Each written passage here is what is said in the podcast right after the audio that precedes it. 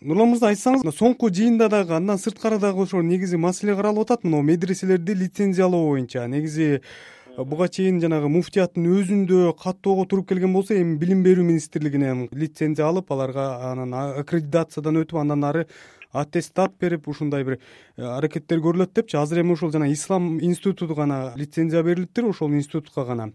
Бул иш чараны сиз кандай баалайсыз эксперт катары? Мен мисалы түздөн түз эле алардын э, ар бир медресе өз алдынча аккредитация аттестациядан өтүшүнө э, каршымын да аттестациядан кандай өтүш керек? Белгилүү бир аттестациянын өзүнүн талаптары бар аны аткарыш керек. Бирок ошондон мурда муфтияттын алдында бир фонд түзүлүш керек да.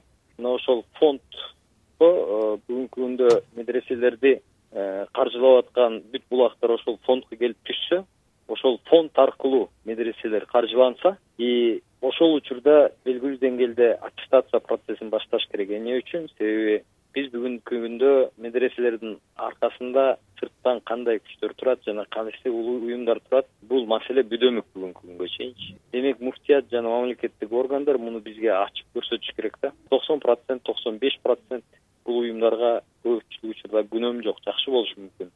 Жакшы ниеттери болушу мүмкүн тилектери болушу мүмкүн. Бирок кээ учурда ошонун ичинен беш он процент бүтүрүүчүлөр аркылуу өлкөнүн ички саясатына аралашкысы келген тараптар да болушу мүмкүн да. Ошондуктан түздөн түз эле бүгүнкү күндө тура калып э, ар бир медресенин аркасында кандай күч турат кандай уюм турат аларды изилдебестен мониторинг жүргүзбөстөн туруп эле түздөн түз аттестацияга киришүү менимче эрте. Бирок тилекке каршы чаржайып эле ар бир медресе туруп муфтияттын катышуусуз мамлекеттик дин комиссиясынын катышуусуз эле түздөн түз министерство образованияга лицензия алам деп келип ал жерден алганга аракет жасаганы алардын укугу.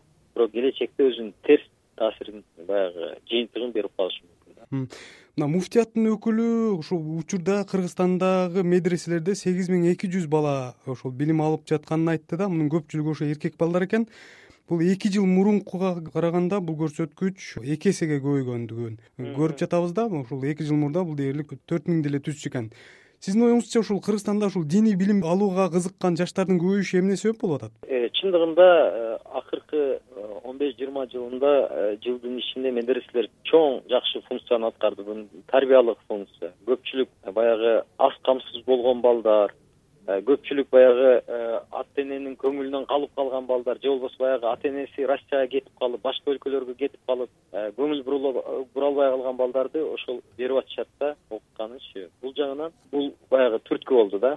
Анткени көрүп атпайсызбы? Өзүбүздүн светтик баягы жогорку окуу жайлар коррупцияга батып калды бүгүнкү күндөчү кээ бир учурда ата энеси россияда болсо билим да берилбейт ал жерде.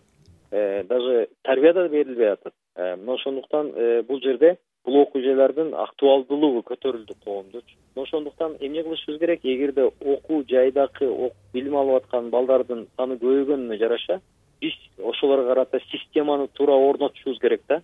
Туура орнотушубуз керек что эртең ошол жерден бүткөн балдар чет мамлекеттен каржылап аткан кандайдыр бир уюмдардын түздөн түз көзөмөлүндө калбаш керек дегенчи. Анан материалдык техникалык базалары жакшырды акыркы кездечи ал жерде компьютердик класстар тазалык э, тамак ашы жана башка жана башка. Мына ошолордун баардыгы түрткү болду э, бул жерде окуучулардын көбөйүшү. Анан эң негизгиси албетте демографиялык маселе. Себеби жаштар өспүрүмдөр кыргызстанда көбөйүп атат өсүп атат. Билим берүүнүн сапаты жөнүндө эмнелерди айта аласыз? Ошол медреселердеги күч кызматтары ушул медреселерден бүткөн студенттер же ошол бүткөн балдар баягы экстремисттик же туура эмес багыттагы диний агымдарга кирип кеткен учурлары бар деп да айтып атышат да анан ошондой коркунуч барбы медреселердеги билим берүүдөн? Сиз кандай ойлойсуз? Мен э, бир канча медреседе сабак берип көрдүм баягы практикалапчы бирок түздөн түз ошондой күчтөр бар деп айта албайм. Андай күчтөрдү мен көргөн жокмун. И э, түздөн түз ошол экстремизмди идеология катары туткан э, медресе э, менимче жок десе да эгерде боло турган болсо аны мамлекеттик көзөмөл органдары баягы эме кылмак бирок экстремизмдин да формалары бар да. Скрытый формасы бар анан ачык формасы бар. Скрытый формасы баягы неме киргизүү да. Башка диний агымды киргизүү мисалы үчүн салафига окшогон э, диний агым агымдарды. Мисалы үчүн баягы э, египетте братья мусульманв деген барго мына ошого окшогондорду да. Э, буну аныктоо өтө кыйын да.